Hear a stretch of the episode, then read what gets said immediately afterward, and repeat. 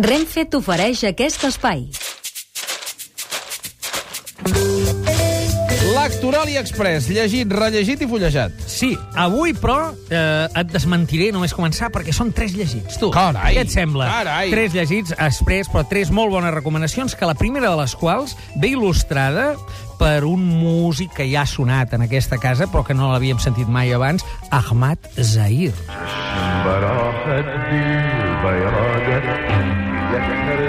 És un músic que li donava molta esperança a la Nàdia Gulam quan li tocava viure tot una altra cosa del que viu ara, eh? Eh, certament. Eh, és eh, la música que ens serveix per il·lustrar el secret del meu turbant. Eh, jo recordo que vas entrevistar aquí a la Nàdia Gulam i també a l'Agnès Rotger, les Sí. coautores d'aquesta novel·la. És una novel·la en primera persona. T'he de dir que me l'he llegit amb gran avidesa eh, i que li Això t'anava a dir, com, com nota. llegeixes tu? Perquè per portar-ne tres llegits, Sí. quin és el teu ritme de lectura? Bé, eh, aquesta setmana tres, diguem. Tres no? llibres en una sí, setmana. Sí, el que passa n'hi ha d'altres que en fan cinc en una sola nit, eh, d'aquests que vesteixen de blau i grana, Això per tant és gols, poc. això és són poc. gols. Sí, però costa, eh, també. En tot cas... Si l'altre dia no costava gens. No costava, anava entrant Com a tot, mínim semblava tot. que no costés gens. Exactament. De, de bé que ho feien. Doncs igual passa amb les bones lectures que hi entres, i aquesta n'és una, la vull recomanar especialment, perquè és una operació difícil, és una barreja entre un personatge, com molt bé saben els oients del Matí de Catalunya Ràdio, que ha viscut en primera persona uns fets durs, eh? com viure la guerra de l'Afganistan, eh, patir un- l'esclat d'una bomba i aleshores fer aquest acte de ficció, eh, diguem, en vida, de tant risc que és transformar-se en nen en el règim, sota el règim dels talibans, per poder treballar i ajudar la família. La no? història de Mulan, per entendre's. Exactament. Eh? És, però, eh, diguem, és una història molt novel·lesca, la història de la literatura n'és plena d'aquesta ficció, però aquí, realment, eh, formalment han aconseguit, amb l'ajut de l'Agnès Roger, des de l'òptica periodística, però han aconseguit construir una novel·la. És una novel·la que es, eh, es fonamenta amb el ritme, els episodis estan molt ben triats i no, en cap cas, fa pornografia sentimental, diguem, eh? És a dir, que entra... Eh, tu vas entrant i et vas ficant, no a la seva pell, perquè això seria molt difícil, però dins del seu turbant, no? I realment eh, és, és un llibre que jo crec que tindrà molts lectors, el recomanem. Eh, Quatre Ls. El secret del meu turbant, Premi Prudència Bertrana, Nàdia Gulam, autora i protagonista, Agnès Roger, coautora. Columna. Mots clau. Afganistan, religió, superació, també picaresca, hi ha un punt de novel·la de picaresca interessant aquí. Quan i... li tocava agafar rocs i tot Exactament, plegat, eh? Vull dir, ai, que no puc, que tal... És a dir, hi ha episodis molt, molt eh, entranyables i una paraula d'aquestes de moda d'ara, resiliència... És el segon cop que la fem servir avui. Em consta, per això l'he posada.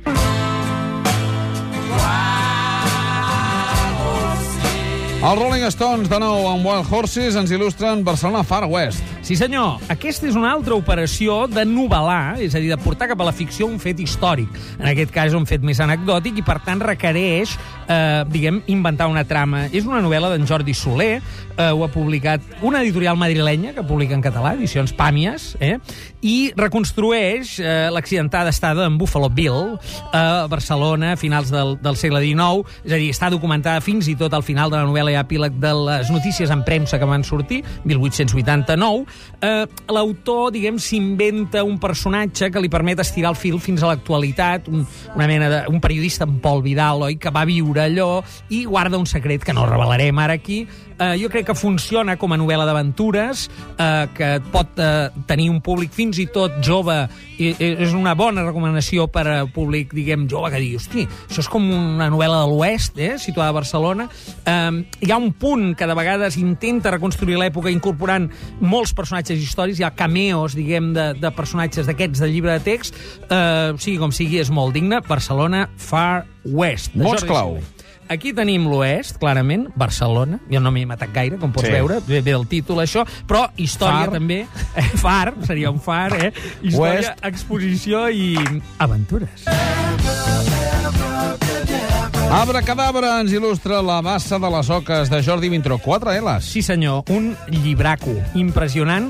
És un joc de l'oca és un llibre de poemes. Carai. És una barreja, diguem, d'una aposta estructural que porta el tauler aquí, dibuixat amb dibuixos de l'autor, i és una obra poètica magna d'aquest autor. Normalment la poesia costa una mica, de vegades, d'arribar a un gran públic. Jo recomano a tothom que s'acosti a aquest llibre d'en Jordi Vintró, ho trobareu publicat a la Breu, perquè és una poesia molt narrativa, que té molts jocs soterrats, que està situada a Arenys, que hi ha molt de situació gairebé costumista en algun moment, però sempre frapant, i que amaga molts secrets. És un d'aquests llibres que tu els vas llegint, té una gran eh, repertori de eh, formes estròfiques i, per tant, és, francament, una recomanació molt bona. La bassa de les oques, Jordi Vintró. Mots clau. Joc, oca i auca, perquè justament el joc de l'oca ve de l'auca, Arenys, trava llenguatge i Vintró ceràmica. I hi ha un uh, llibre que no n'has parlat, que és boníssim, que estem mirant de portar l'autor per entrevistar-lo, que és la nova versió del Barbàlia. Ai, Barbàlia, què és 2.0? 2.0. M'ha- M'he equivocat, m'he quedat curt. Hauria d'haver estat 5.0, però Sí. és 2.0.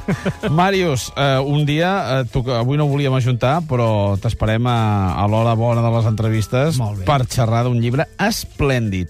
5 Ls, mots clau, mots, Màrius, i felicitats, com sempre. Moltíssimes gràcies. Són parlarem.